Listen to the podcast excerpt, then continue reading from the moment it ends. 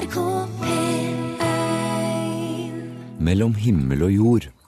First Aid Kit om eh, de dagene som er litt sånn at man helst bare vil trekke en gråpose over hodet, eller noe sånt. Blue heter den. Margrethe Nåvik heter jeg, som jo håper at du ikke føler det sånn akkurat underveis i Mellom himmel og jord. Tror ikke det heller, for eh, Ove han har vært ute på gata og spurt folk hva de angrer på i livet i dag. Mange spennende svar som vi får høre i sendinga. Og Camilla hun dumpa borti en historie da hun skulle kjøpe et lite pynteekorn på nett. Ekornselgeren hadde nemlig bestemt seg for å selge alle tingene sine. Det ble det jo da radio av.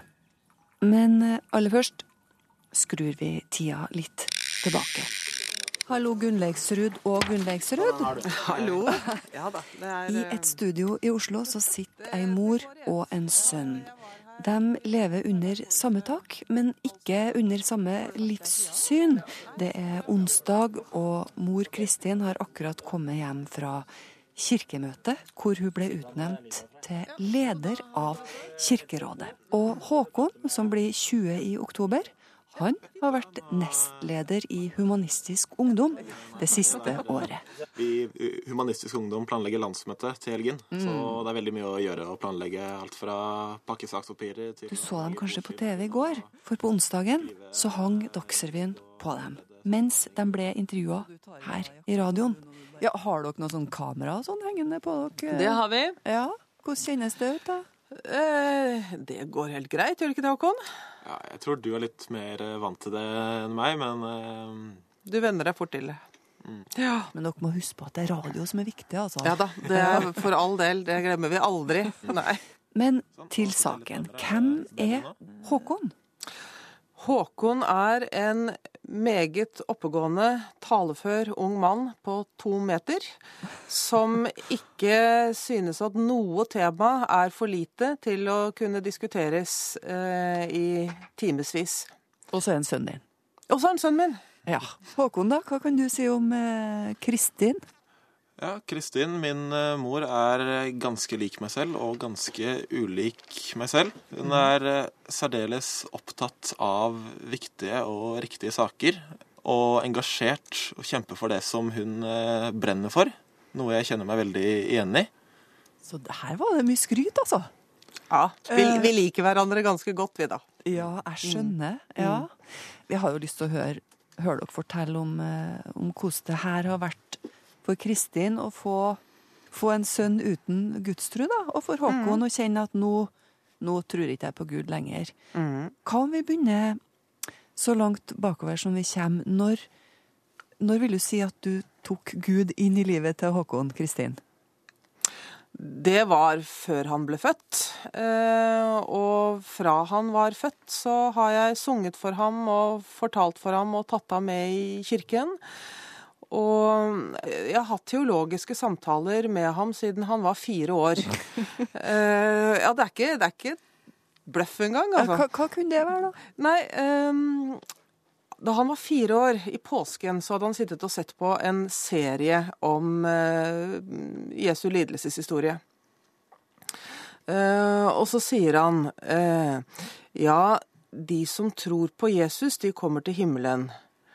Eh, og så tenkte han seg lenge om, og så sa han nei, det kan jo ikke være sånn. Det må jo være alle, for Jesus sa det jo selv. Tilgi dem, for de vet ikke helt hva de gjør.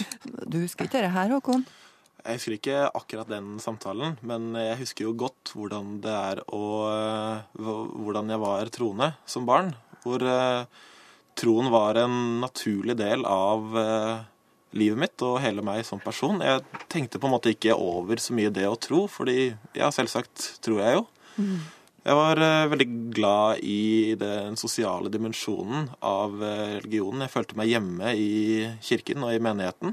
Men du har hadde noen måte- spørsmål allerede da? da? Ja, jeg, etter hvert som jeg ble litt eldre, så begynner jeg å undre meg mer og mer. Tenke mye på det klassiske, da. Hva er meningen med livet? Så kommer jeg etter hvert fram til at ja, da er det vel meningen med livet å kanskje komme til himmelen eller oppnå frelse. Og da er ja, OK, da skal vi gjøre det. Hvordan får vi til det? Det var litt eh, vanskelig. Så jeg begynte å tenke litt mer kritisk rundt det. Det bare, må man bare tro? Må man leve etter Jesu lære? Så jeg var veldig usikker på en måte hva som trengtes for å opp, komme til himmelen, som var jo da det jeg hadde satt som mål. Som var på en måte kanskje der den, det begynte, og at jeg stilte litt mer spørsmål til min egen tro. Men eh, kan jeg spørre, hvilket bilde hadde du av Gud da, Håkon, da du var liten? Hva var Gud? Ja, jeg, jeg undret mye på det. Jeg tenkte sånn Er det en person? Er det en mann? Trenger det å være en mann? Men eh, jeg lærte i ung alder at Gud er ikke noe man eh, på en måte kan rasjonalisere seg fram til. Man kan ikke Gud trenger ikke følge fysikkens lover og ha to armer og to bein. Jeg tenkte egentlig ikke så mye over hvor, akkurat hvordan mm. Gud var, hvordan Gud så ut. Med, Gud var mer en tilstedeværelse, en følelse i livet, som jeg aksepterte. Men eh, på et eller annet tidspunkt så fikk Hva var det som skjedde? Hvorfor slutta du å tro? Ja, jeg, ehm, Etter hvert som jeg har blitt eldre, er jeg blitt veldig opptatt av eh, å lære så mye jeg kan om naturvitenskap. Veldig glad i naturfag og fysikk, kjemi. Eh, som gjorde at livet mitt sirkulerte mer rundt dette om kunnskap og om hvordan verden fungerer, hvordan verden er bygget opp. Mm. Så Gud fikk på en måte litt mindre plass i det jeg fylte dagen min med. Mm. Um, og så begynte jeg å lære mer om hvordan universet er bygget opp, om universets historie, om kosmologi. Jeg tenkte etter hvert Begynte å få en følelse i bakhodet av at det virker litt sånn uh, merkelig. Det er noe som ikke helt passer her med min oppfatning av verden og universet som uh, et produkt av naturens lover, som jeg hadde lært så mye om. Og hvor kommer Gud inn i bildet her? Følte det begynte å gnisse litt mellom den personen jeg var i ferd med å bli, og den personen jeg hadde vært. Mm. Jeg tenkte mer selv og ut fra det jeg har lært som var fakta og ikke tro. Selv om jeg hadde samtidig den store respekten for at Gud er ikke noe som kan bevises. Jeg begynte å stille mer kritiske spørsmål, og så var det et punkt hvor, um, hvor jeg hørte en historie fra da min bestefar var um, Faren til uh, mamma var i India. Eh, og var på en gudstjeneste der. Og midt under eh, messen kom det inn en trebeint hund inn i kirken. Og da ble jo eh, menigheten ropte og ville ha den ut. Og så ble den så forskrekket at den hoppet opp på alteret og prøvde å bite til seg litt av alterbrød, som da var Jesu legeme. Og presten sammen med menigheten koordinerte et stort brøl og et spark som sendte hunden ut. Og da tenkte morfar da eh, det var Jesus. Som var en historie som gjorde inntrykk på meg på en måte jeg ikke helt forsto, men det trakk meg litt ut av troen, på en måte, hvor jeg følte at jeg mistet litt troen på denne samspillet mellom Gud og menneskeheten. Hvor jeg ble mer opptatt av livet her og nå, om at vi må jobbe mer for hvordan vi har det sammen på jorda, men, men hva, hva, var det i den historien som gjorde at du begynte å tenke det? Jeg, jeg er sånn litt usikker. Jeg merket at det gjorde sterkt inntrykk på meg. Jeg tror det handlet om hvordan mennesker behandler uh, Gud, og hvordan mennesker behandler andre vesener. Som var da denne hunden som jeg syntes veldig synd på mm. da. Jeg var vel en 11-12 år, kanskje. Og det er jo interessant at for meg så har den historien helt motsatt effekt. Eh, når jeg hørte far fortelle om da han så presten sparke denne magre, trebeinte bikkja ut av kirken og tenkte det var Jesus. Da ble det for meg et veldig tydelig bilde på hvem Jesus faktisk var. At han var en som tok parti for og sto opp for de svakeste i samfunnet. Ehm, en som var opptatt av dem som ble definert i yttergrensene eh, av samfunnet. De som ble definert som langt fra Gud. Det var dem Jesus sto opp for. Så for meg ble den historien til far en, en historie som eh, forsterket min tro på hvorfor, eh, hvorfor jeg er kristen, rett og slett, og hvorfor jeg tror på Jesus. Men du sto jo altså på sidelinja, Kristin, og så det her skje, regner jeg med. Hvordan var det? Det var ikke veldig vanskelig. Eh, og min hovedopplevelse da var at jeg så en ung gutt i utvikling som det var fascinerende å følge for en mor. Eh, og for meg handlet det hovedsakelig om én ting, og det er respekt for hvem min sønn er. Eh, så for meg så ble det ikke en utvikling som jeg følte behov for å stoppe eller hindre. Eh, og jeg tenkte aldri dette er noe som går over, eller eh, dette er jo bare en fase. Men jeg så hvem han var, eh, og det er jo helt riktig som han sier, at han har alltid hatt en voldsom lidenskap for eh, et område som jeg kan fylle og bære om, nemlig fysikk og partikkelfysikk og altså Jeg vet jo knapt hva det heter. Mm. Men jeg har jo sett denne fascinasjonen hans, så da han Da jeg så utviklingen, så ble det på mange måter for meg en bekreftelse på hvem han var. Men, eh, men, eh, Håkon, det ble eh, utmelding av statskirka til slutt. Du meldte deg ut. Mm. Mm. Hvor gammel var du da? Jeg var vel 16, kanskje hadde fylt 17. Når du, når du meldte deg ut, var det noen følelser i det for deg? Jeg følte meg fri til å ta de valgene som virket mest riktig for meg. Så det er og sant da, det hun sier, mor? Ja, jeg opplever det. ja. og har bare gode ord å si om det. Mm. Eh, og da jeg meldte meg ut, så var det jo litt Det var litt merkelig, både på en god og en litt vond måte. Og god måte fordi jeg følte at nå hadde jeg tatt et eget valg. Nå hadde jeg blitt den personen jeg ønsket å være, og tatt et viktig steg i å finne min egen identitet. Mm. Men samtidig føltes det jo litt sårt i at den personen som jeg hadde vært store deler av livet mitt, og den personen som eh, jeg hadde blitt sammen med moren min, uh, trodde på noe som jeg ikke trodde eksisterer lenger. At, uh, at noe som jeg hadde brukt så som, som, hadde vært så stor del av livet mitt, at det ikke fantes mer. Så det var litt bittersøtt. Da, da, var det ikke noe elektronisk utmeldingssystem som det er nå, eller kommer nå snart, hvor mm. jeg da fylte ut et utmeldingsskjema mm. som jeg fant på kirken.no. og printet ut det, fylte det inn og leverte i postkassen til det lokale kirkekontoret. Eh, jeg var litt glad for at eh, det var stengt da, sånn at eh, de jeg kjente fra kirkekontoret fra før av, ikke så meg legge den i postkassa. Ikke at jeg tror det hadde blitt noe konflikt, men det var litt, litt behagelig at det var en beslutning jeg kunne ta selv, mm. uten at andre så ned i nakken på meg. Mm. Så kom jeg hjem og kjente da på den følelsen som jeg beskrev i sted, og så fikk jeg en stund senere en uh, utmeldingsattest som var da ganske symbolsk for nå er skillet gjort. Nå er jeg ikke, eller sånn offisielt, ikke kristen mer, på en måte. Mm.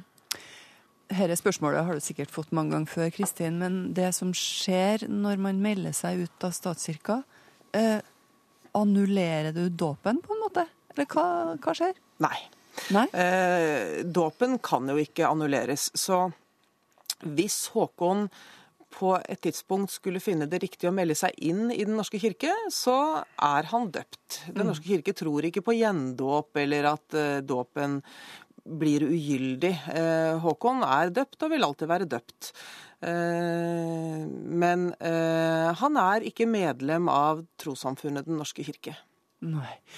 Det som sies i dåpsritualet, er vel at vi forenes med mm. Jesus Kristus til et nytt liv. Er det mm. sånn? Ja.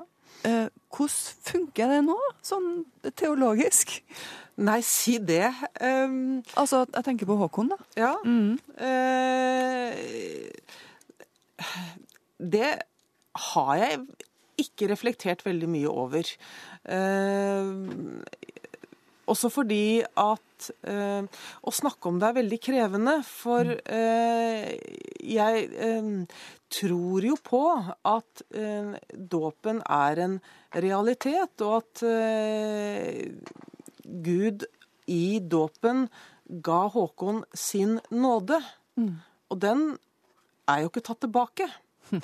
Men jeg vil ikke snakke om dette på en måte som gjør eh, Som virker invaderende på Håkon, eller at jeg da ikke respekterer eh, hans standpunkt. Mm. Uh, altså Hvis jeg sa noe sånn som at ja, men eh, du er, du er, jo døpt, så du er fortsatt kristen, du bare vet ikke selv. Altså det, det blir litt sånn nedlatende fort. Men jeg tror jo som sagt på dåpens realitet. Og det er fordi jeg tror at det er nok å bli døpt. Dåpen handler ikke om å prestere noe trosmessig eller noe moralsk. Dåpen handler om å, eh, at Gud gir sin nåde. Eh, og at spedbarnet, som jo er et forbilde på troen, ved at Eh, spedbarnet er helt prisgitt, ikke sant? Spedbarnet eh, er helt avhengig av at noen tar vare på det. Eh, og det spedbarnet får i dåpen, det er at det tar imot Guds nåde. Hva tenker du om dette her, da, Håkon? Jeg tenker at uh, dette for meg uh, jeg tror jo ikke at det er noe Jeg tror ikke på Gud. Jeg tror ikke på det som blir beskrevet nå. Men jeg har egentlig ikke så stort behov for å tenke og mene så veldig mye om at det bare er symbolske handlinger som egentlig ikke har noe å si. Det er ikke det jeg vil fokusere på. på en måte. Det er mer Ja, det tror du og dere på. Og det er meningsfylt for dere. Og det er helt greit. Det skal jeg respektere, men det er ikke det samme mm, Har ikke samme betydning for meg. Så jeg har ikke noe sånn behov for å forklare troende mennesker hvorfor det de gjør og det de tror på, er eh, feil, eller er bare ønsketenkning eller oppspinn. Det har ikke jeg noe behov for. Jeg har for stor respekt for hva det vil si å tro. Mm. Og hvor viktig troen er i livene til mange mennesker. Så jeg tenker mer at ja, hvis det er fint for dere, så flott.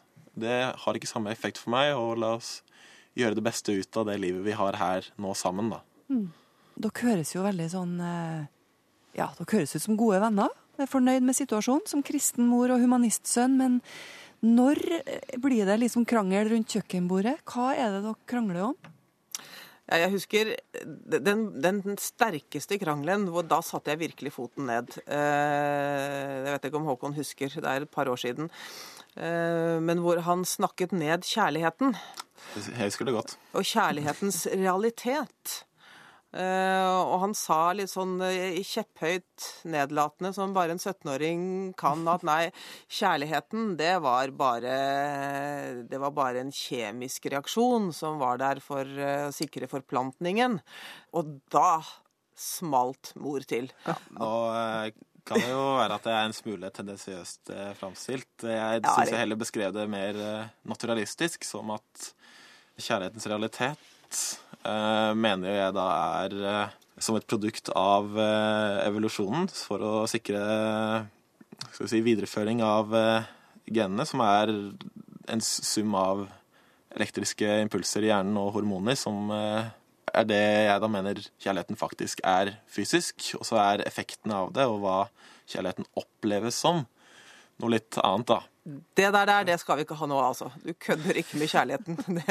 Er, så å underkjenne dens, dens realitet og dens evne til å endre mennesker, eh, og det å elske en annen, eh, eller medmennesker, eh, som jo er en, noe av det samme som kjærligheten til Gud, Eh, at det er en realitet, det er jeg fullt og helt overbevist om. Så da kan Håkon komme med kjertler og partikkelfysikk og genetikk og eh, elektroder så mye han vil. Det der, den kjøper jeg ikke, altså. Nei, så her går forståelsen én vei. Ja. ja. Hva har det gitt deg, Kristin, å få et, eh, et annet livssyn så tett innpå deg? Det har eh, vært veldig nyttig eh, også. Det er òg en side ved det. Eh, jeg tilhører jo en majoritetsreligion. Og har nok i perioder tatt det for gitt. Så det å ha Håkon i huset betyr at jeg blir litt skjerpa. Jeg må virkelig skjerpe meg i diskusjoner med ham. Men så er det jo det at han er 19 år og har en diskusjonskondis som jeg nok ikke lenger i hvert fall har. Så eh, det hender at jeg blir utrolig lei og sier at dette gidder jeg ikke mer. Nå får du diskutere med noen andre. Nå vil jeg ha fred. Så skole, skolegudstjeneste sånn eh, klokka halv ett en lørdagskveld, det er jeg ikke klar for, altså. Jeg må jo spørre deg Håkon. Hva har denne oppveksten gitt deg? Hva, hva tenker du ville vært annerledes med deg om du vokste opp i et hjem med bare ateister?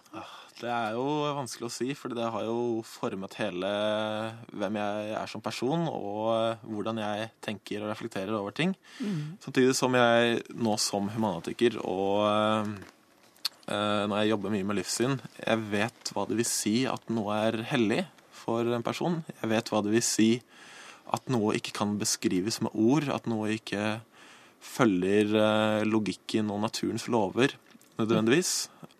Jeg kan unngå å tråkke på eh, noe tro som er så viktig i mange menneskers liv, og prøve å gi den samme respekten tilbake som jeg fikk ved å ta mitt eget valg. Det er ikke lite å ha i sekken her, Kristin?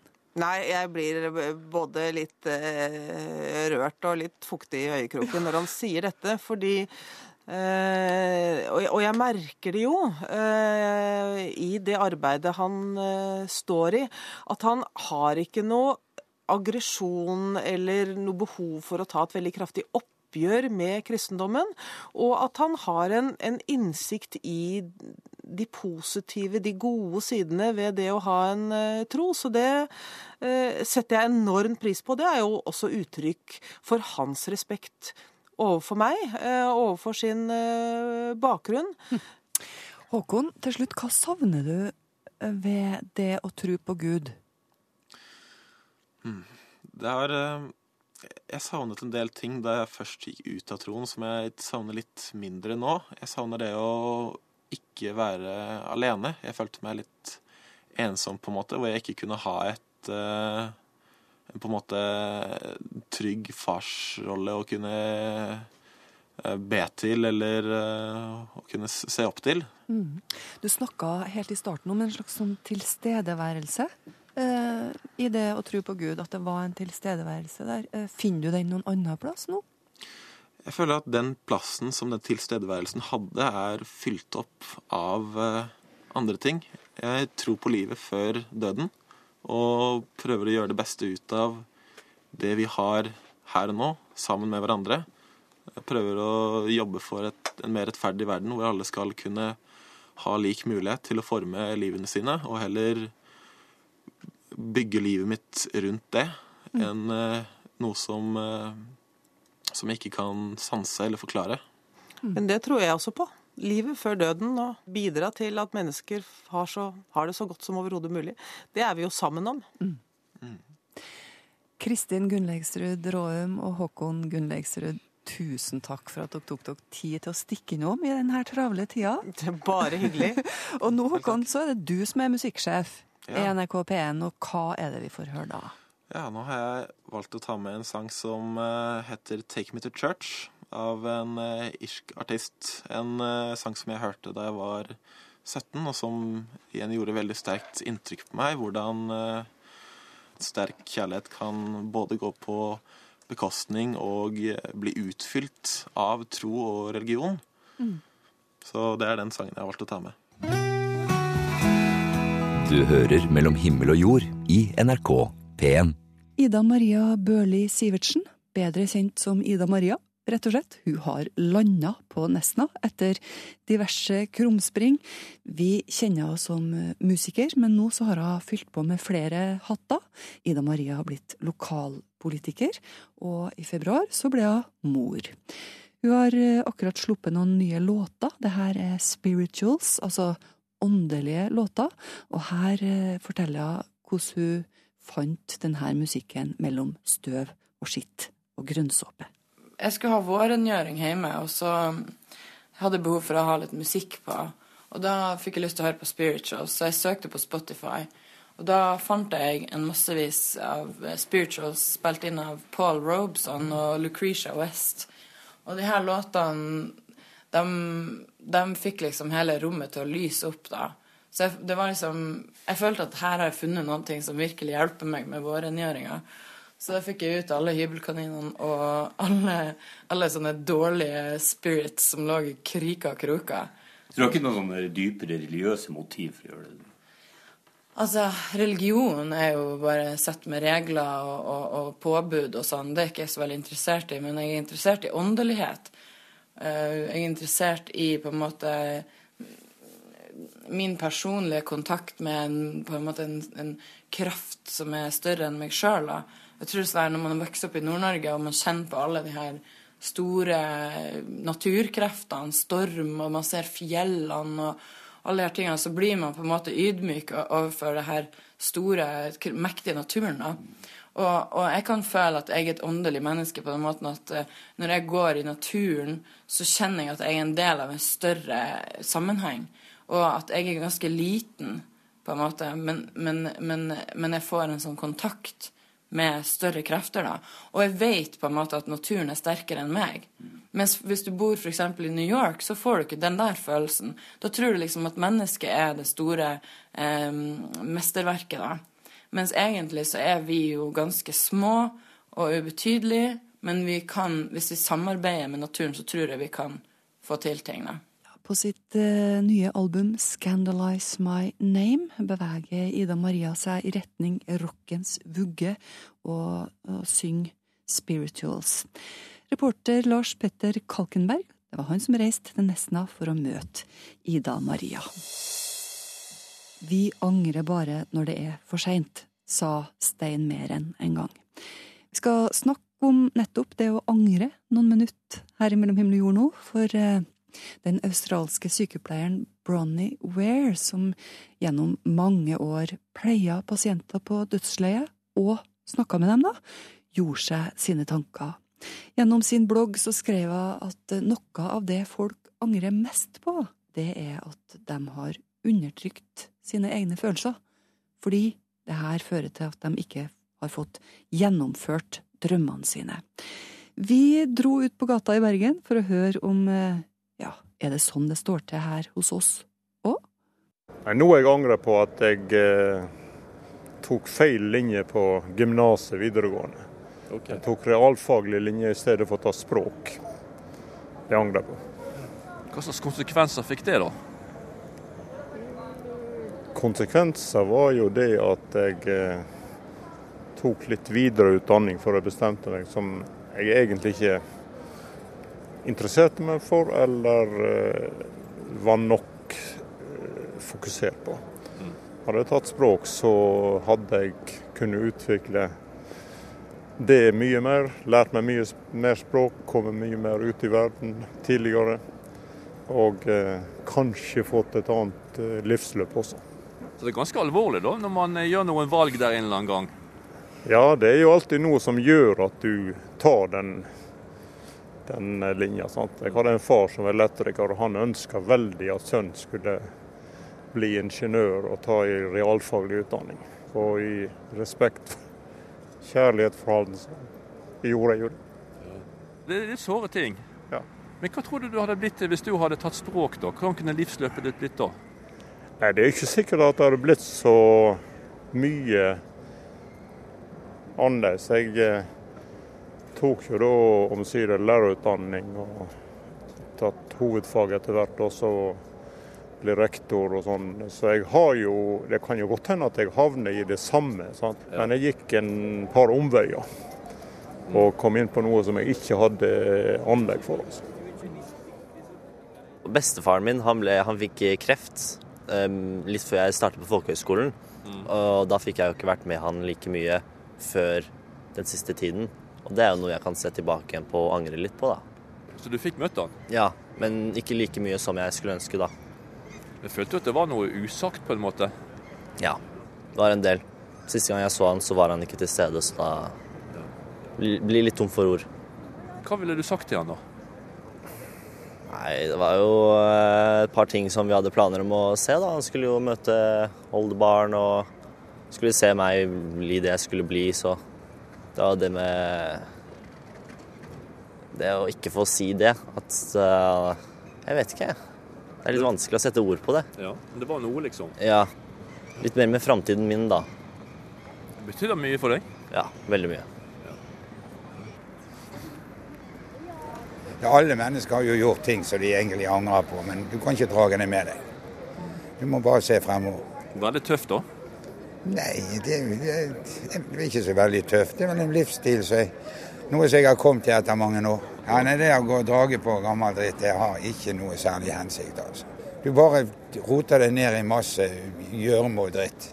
Så er jo de som bare går og angrer og angrer, angrer, de, de, de faller jo helt utenfor. sant?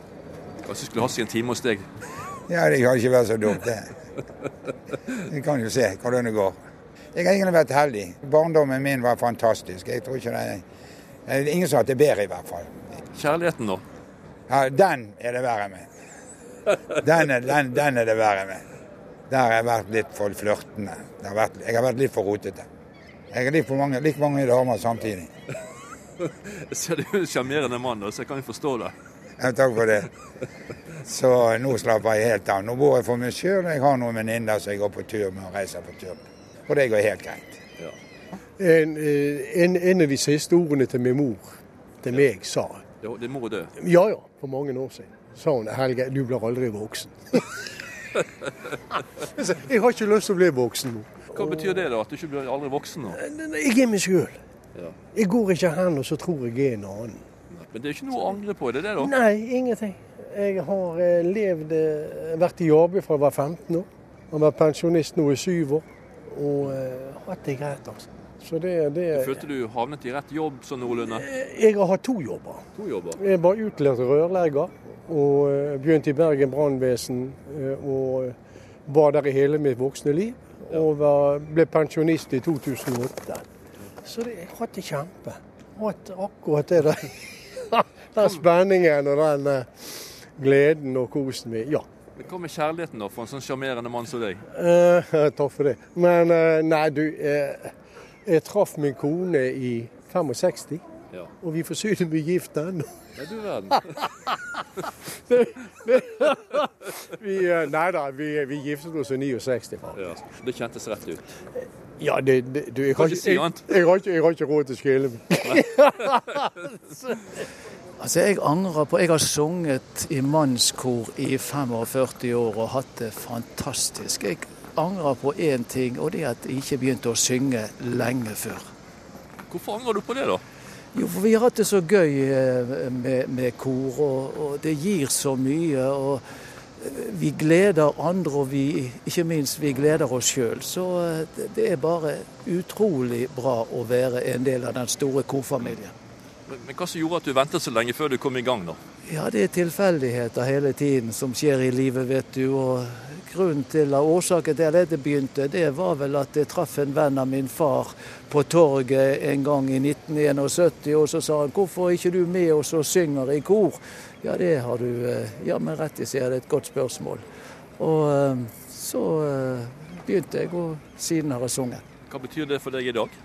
Det betyr veldig mye. og Nå synger jeg med de lystige seniorer, og vi er rundt og holder bymann- og strilkonserter. og Gleder mange med gamle og nye bergenssanger, og med strileviser og med shantier. Egentlig ikke. Det har gått uh, veldig greit. Det har vært lugga litt av og til. Er det lov å spørre hva slags punkter det, det har lugget litt på? Det viktigste for meg er jo arbeidslivet. Jobber veldig mye. Jobber i, med offshore. Og da treffer jeg en del folk, så da er det litt sånn Du har mye sjefer over deg og rundt deg, og veldig mange du skal forholde deg til. Og da av og til du ikke hører etter godt nok. Så jeg er ikke flink til å lytte. Så det kunne jeg vært bedre til. Jeg har fått, fått meg en smell og to på. det er bare sånn det er. Hva med kjærligheten, da? Nei, det er takras. det er et takras, vet du, men det er bare noe du lærer deg å leve med. Nei, for da blir det relasjoner til andre mennesker. Og er du litt sta, så blir det som det blir. Det var Ove Gundersen som spurte folk på Torvallmenningen i Bergen om hva de angra på i livet sitt. Du hører på Mellom himmel og jord i NRK P1. Vi skal orientere oss litt i verden. Dagsnytt er like om Nova. Og etterpå så får vi høre om eh, denne dama som rett og slett selger alt hun eier, i ren takknemlighet for det livet hun har fått. Og presten, humanisten og muslimen er tilbake for å drøfte et nytt ord. I dag snakker vi om eh, skapelse. Hva tenker de når det spirer og gror? Hvor kommer livet fra? Men eh, nå først, altså. Nyheter. Kom opp. Ja, hva etasje er det? Andre. Andre, ja. Det er en av disse etterlengta varme vårdagene i april. På føttene fargerike tøysko, på nesa så hviler solbrillene. I dag så får noen andre nyte av sola, for jeg, jeg skal nemlig på besøk til Marit Johansen i Trondheim. Kom inn, kom inn.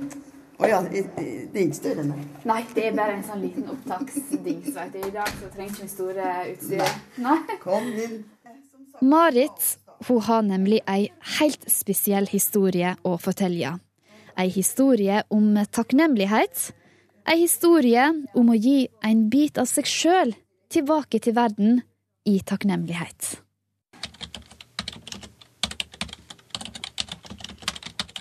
Vi må gå noen par veker tilbake igjen i tid.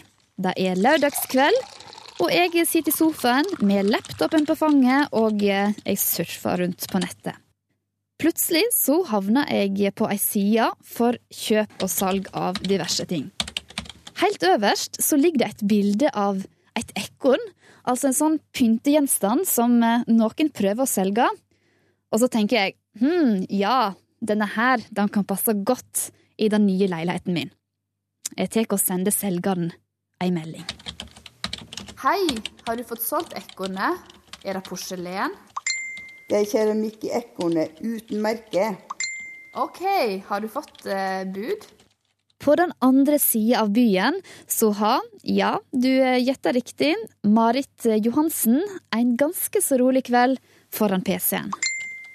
Ikke enda. Ekornet er fra 60-tallet. Det har vært med meg i alle år. Eh, jeg kan ta by 70 kroner jeg, hvis du fortsatt vil selge det. Du må by på nettet, liker at alt går rett for seg. Om tolv dager fyller jeg 60 år, og i den forbindelse skal jeg gå til Oslo og samle inn penger til forskning på barnekreft, sykehusbarna, ungdom og sykehusklovnene. Jeg er kreftfri eh, og behandlingsfri etter ti år. Ble så glad og takknemlig at jeg bestemte meg for å selge masse av tingene mine, så alt jeg selger på nettet, går til prosjektet mitt. OK. Som journalist så skjønner jeg at det, dette her, det er ei kvinne jeg må snakke mer med. For hvorfor tenker og handler vi mennesker sånn som vi gjør? Marit hun har planer om å gå fra Trondheim til Oslo for kreftsaker. Det er jo ganske stort i seg sjøl, men akkurat i denne reportasjen så vil jeg gjerne ta tak i måten hun viser takknemlighet på. Altså ved å selge personlige gjenstander som hun har hatt med seg gjennom et 60 år langt liv. Pengene de beholder hun ikke sjøl. Her er tingene som jeg eh, skal selge. Som jeg har hatt fram. Eh, du sier at jeg nummererte eh, eskene. Ja. Ikke sant? Og så har jeg ei bok da, hvor jeg har nedi eskene. I fjor, som sagt, jeg ble hoppende glad. Og da mener jeg hoppende glad. jeg hoppa hopp av glede at jeg var frisk. Jeg var frisk, tenkte jeg. Største, største ordet, syns jeg. Frisk. Det er så mye man kan gjøre da. I takknemlighet så føler Marit at hun har lyst til å gi noe tilbake. Men hva skal hun egentlig gjøre? Ideen om å selge mange av tingene sine, den ideen får hun hjemme hos mor si. Jeg var, nede var og besøkte mamma da. Og så var jeg nede i kjelleren. Og så lå det en bamse, forpjuska bamse. Mangla en fot og, og var hullete og veldig skral, for å si det sånn. da.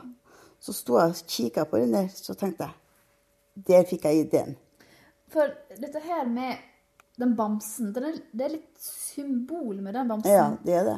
Eh, den mangla jo så mye, og den var, eh, var ikke pen, for å, se, for å si det mildt. Og, og jeg tenker på det at, eh, at jeg fjerna brystet, ikke sant. Men alt går an å repareres. Sammenligner du det litt med den bamsen? Jeg gjør det. Mm. Den eh, kan stråle, den òg. Bamsen blir det første Marit selger til inntekt for barn og unge med kreft. Så leter hun fram med alt fra servise, nips, smykke, bilder, glass osv. som eh, hun har lyst å selge. Det er viktig for Marit at eh, det skal koste henne å selge gamle minner. Nå skal jeg selge noe som betyr veldig mye for meg. Men Marit, du sier at det skal svi litt Ja, i hjertet ditt. Skal svi og, og gi, eh, gi fra seg tingene. Hvorfor det? Jo, det er mm, Når jeg tenker på, på dem som mister sine hvor, hvor tenkte jeg de, de smertene? Og en ting eh, har ingen betydning, egentlig.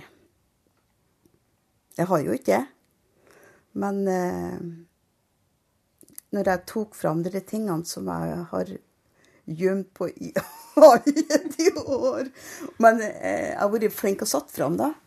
Og så satt jeg en kveld og så kikket jeg på dem, og så tenkte jeg Dere, det skal jeg gi, og så skal jeg kjenne etter når førstemann eh, kommer og henter den tingen, hvor det føles. Men eh, det er, er det her, da? Den har vært med, meg- vært med meg på alle hyblene mine. Og jeg kan ikke si at den er veldig vakker, da, men Det er en lysestake. det er en lysestake i metall og så blomster på den. Blå blomster og hvite blomster. Ja, hva man skal si da? Sånn eh, blomster som står rett ut. Ja. Men den jo- Udefinerbar. Ja, og den jo betyr veldig mye for meg. Ja, for den har vært med deg gjennom hele livet. Hele, alle hyblene jeg har bodd på. Og jeg syns at den er så stygg at den er fin. veldig spesiell. Ja, Men hvordan blir det skulle selge den der, hvis noen har lyst til å kjøpe den, eh, vel å merke? Ja, men da skal den få lov til å gjøre det. det eh, og Men det hvordan- kommer, kommer til å Det kommer til å Jeg kommer til å kjenne det, ja. I magen? Ja. Men jeg, jeg, som sagt så snakker jeg om tingene når de kommer og henter det. Og da forteller dem hva de skal gjøre med det, og da blir det så Ja, det blir bedre, da. Ja. Det gode minnet de eh, går videre til Ja, den andre. ja, Mm. det gjør det. Hvor mange gjenstander har du solgt nå? Ja, det var kanskje 2000 eller sånt. 2000. Ja, og så har jeg, jeg tror jeg, like mye tilbake. Men du gjør dette av takknemlighet. Ja, Gjør du det-? Ja, jeg gjør det. Mm. Tenk at jeg ble frisk. Mm. Det er ikke alle sammen som er så heldige som meg. Men hva er sammenhengen mellom det å gi vekk det kjæreste en har, og det å være takknemlig? Hva er sammenhengen der? Vet du, det, det er et godt spørsmål. Det, ve- det vet ikke jeg, altså. Det, Hvis du kan tenke litt på det. ja. Du gir fra deg noe som står hjertet ditt veldig nærme. Mm.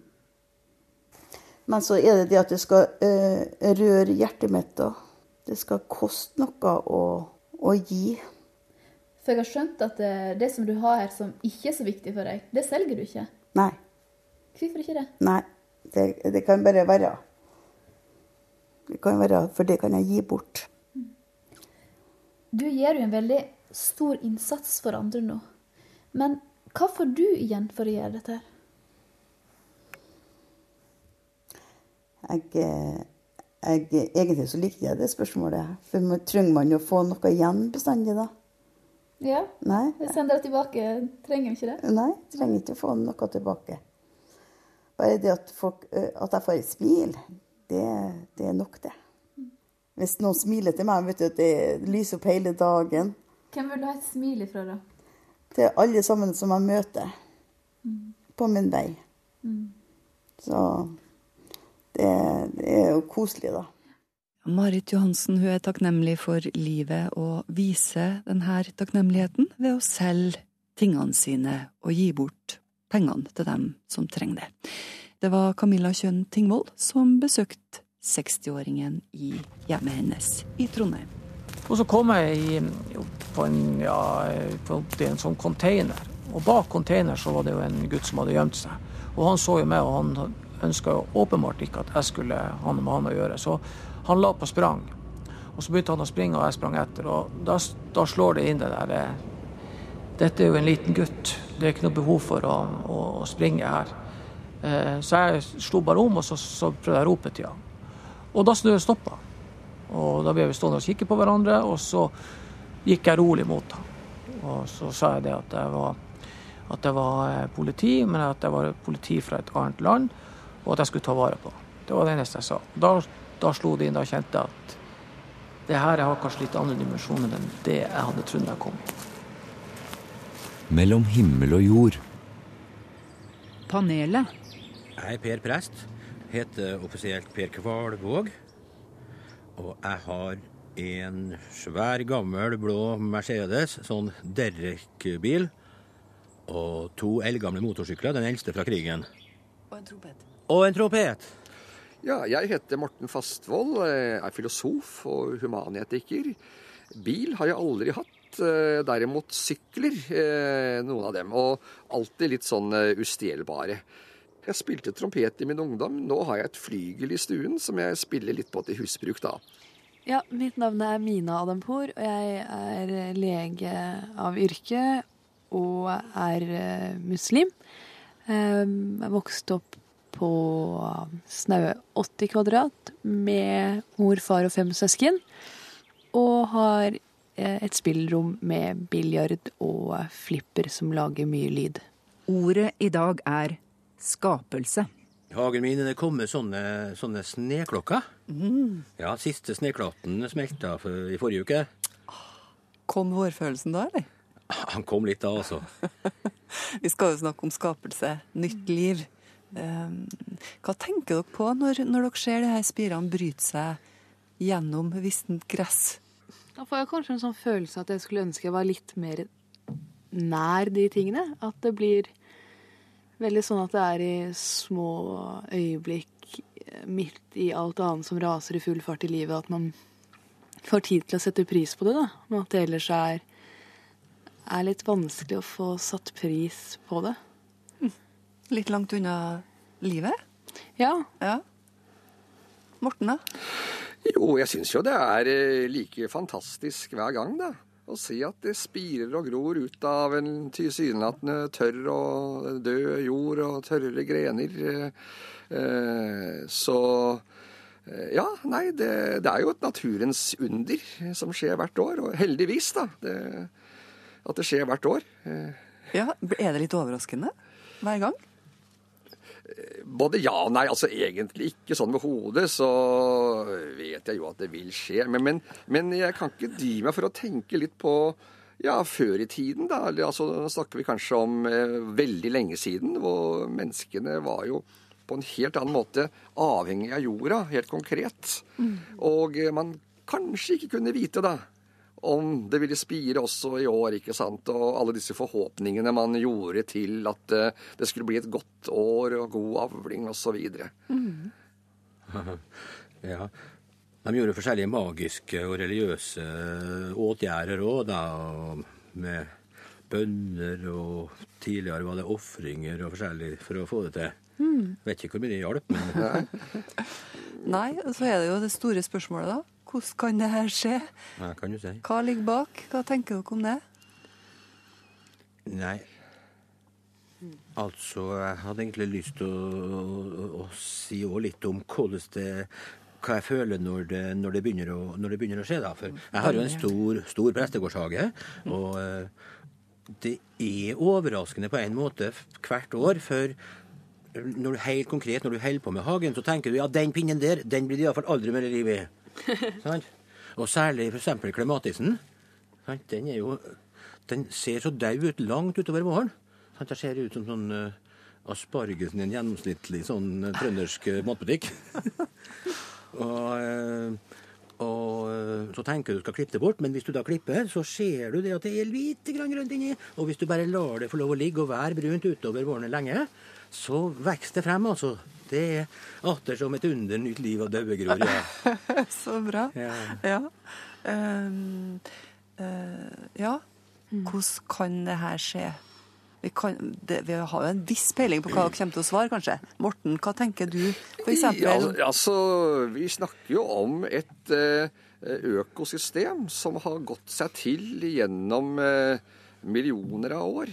Eh, og eh, det er jo Iallfall jeg blir full av ærefrykt overfor eh, da denne prosessen, evolusjonen, hva den har frembrakt altså av organismer som klarer dette her med årstider og klarer å komme tilbake igjen eh, hver vår og ha overlevd, eh, og for å så få frøene sine videre eh, i løpet av våren. Eh, Altså, eh, dette her eh, å tenke på det enorme tidsrommet eh, og dette enorme samspillet som dette her eh, vitner om, eh, det fyller meg med ærefrykt.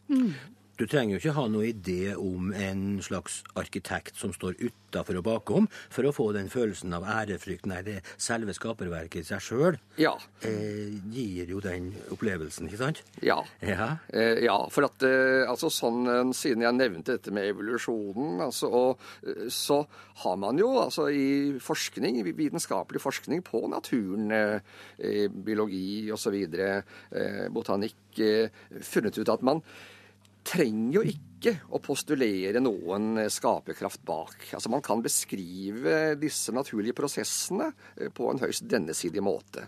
At så folk kan da personlig mene at det må være noe i tillegg, det er noe så, men, men det trengs ikke altså i forklaringen. Men hva med den første bevegelsen, på en måte? Det første livet? Jeg snakker om da livet oppsto på jorden. ja. For Mm. eh, ja, det er jo et mysterium. eh, som, men det er jo i en helt annen klasse enn det at det begynner å spire og gro hvert år. Det er jo, det er jo på en måte som Morten sier, og på en annen måte kanskje ikke, fordi det er jo fortsatt mange svar innenfor naturvitenskapen vi leter etter. Hvordan kroppen fungerer, hvordan naturen på en måte kommer seg til. Som når man tror det på en måte er dødt, men så lever det til liv igjen. Og det, det, det syns jeg er veldig Det gir jo den æresfrykten. Men f.eks. hjerter som banker, og altså det, at dette er et maskineri med en elektrisk impuls som bare skjer av seg selv, er jo også Og den banker jo ekstra hardt kanskje om våren og når solen treffer, og de blå reseptorene i øynene som på en måte er laget Kanskje ikke nødvendigvis i gudsbildet, men i naturens bilde. For mennesker sam, samspiller jo veldig godt med naturen. Det er helt vanvittig hvor, hvor komplisert og Mm. overveldende det er. altså. Og jo mer du lærer om det, jo villere blir det.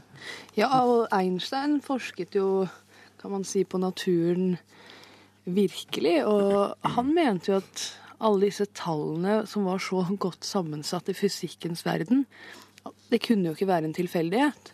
Så jeg tror at hvis man får litt tid i hverdagen til å faktisk ta inn over seg hvor mektig naturen er, så, og, tenkt veldig mye mer på hva det kommer av, så ville man nok vært litt mer i stuss. Men det er jo like fullt vakkert uten å nødvendigvis mene det ene om det andre om en gud som står bak. Ja, altså jeg blir litt frista til å trekke ned en filosof ved navn Spinoza. Eh, Han levde på 1600-tallet, nederlender. Og han gjorde noe den gang så uhørt som å sette likhetstegn mellom Gud og naturen. Altså, Gud er naturen. Naturen er Gud. Eh, Så i stedet for f.eks. å si at det er Gud som har skapt naturlovene, så ville Spinoza si Gud er naturlovene. Eh, Og dette var jo det verste kjetteri på den tiden, ikke sant? For eh, altså både Ja. kristne, jøder og muslimer altså Deres grunnpremiss er at skaperen er forskjellig fra skaperverket. Så Spinoza fikk jo som ørene flagra, og han måtte jo gjemme seg i en liten landsby og leve med lav profil som linsesliper etter å ha provosert noe så voldsomt. da. Og han ble beskyldt for ateisme. For at hvis Gud er i ett og alt, og han mente jo også at Gud kunne være noe materielt. Altså i hver fiber av oss, alt som eksisterer, er Gud en del av det. Eh, hva er forskjellen på det og ateisme? Var det jo mange som spurte da, og det er fremdeles et godt spørsmål. Ja, hva tenker Per og Mina Nei. om det som blir sagt her nå? Altså, jeg tror at eh, vi i kristendommen har laga et for stort skille mellom Gud og skaperverket.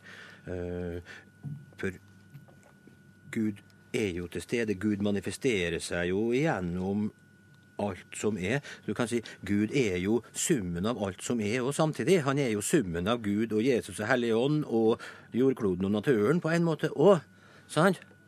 Men øh, så, det er jo litt av det at vi skiller naturen ut som noe annet enn Gud. Naturen er ikke guddommelig. Det, det har jo gjort at vi har fått friheten til å skape så mye teknologi at vi, nå, at vi nå er kommet dit at vi er i stand til å kjøre hele universet til helvete. Ja, det at uh, man fant ut også det på 1600-tallet, da, teologene, at uh, naturen, altså det fysiske skaperverket, er ikke hellig, slik at det kan Nettopp. forskes på. Ja. Eh, det er nå så.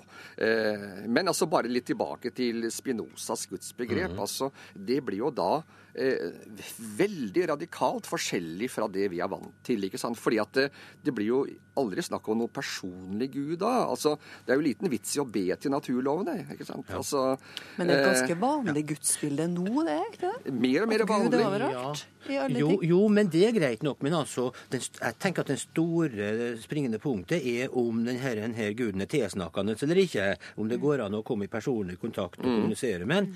Sant? Og det er vel et viktig punkt både for islam og kristendommen, tenker jeg. Ja, og det var det Spinoza sa nei til, ikke sant? Ja, nettopp, nettopp, nettopp, Eh, Gud er ikke personlig på den måten. Det er eh, Altså, innsikt er også få inn eh, å skjønne nødvendigheten av alt som skjer. Ja, men eh, vi kan i hvert fall være enige om at det er vakkert, kan ikke vi det? Absolutt. Ja, Det er uansett. vakkert. Og det er vakkert liksom i sin, i sin overveldende formålsløshet òg, på en måte. For det er jo når du ser på naturen som myldrer, dyr, planter, barn i en barnehage men det, det er jo så dypt formålsløst alt. Sant? Det er sånn et overskudd som bare veller ut. Det, er, det lever for det det skal leve, liksom. Ja, altså, Så jeg, jeg stusser litt på at du bruker ordet formålsløst. Eh, fordi at eh, man kunne jo sagt altså Uh, igjen, eh, Spinoza da, han snakker jo om en livskraft som han kalte conatus. Altså ethvert levende vesen, eh, plante eller dyr eller menneske, streber etter å opprettholde seg selv og å leve behagelig. Det er en kraft vi har, og, og det kunne man jo sagt har noe med et formål å gjøre. Ja, kanskje. Kanskje. Men jeg brukte ordet formål, ikke mening, da. Fordi at, uh, fordi at jeg mener Ja, ja. Det livet har Altså, alt det her synes ikke å ha noen ytre hensikt utafor seg sjøl, ikke sant? Men det er klart, det likevel så er det, er det mening og innhold og, og sånt i det. I det enkle livet, tenker du? Ja. Ja, og Mm. mye mer enn viten... Altså, mye mer enn kanskje Ikke nødvendigvis vitenskapen, for det er jo der vi får vite veldig mye gjennom. Men mye mer enn det mennesket erkjenner, da.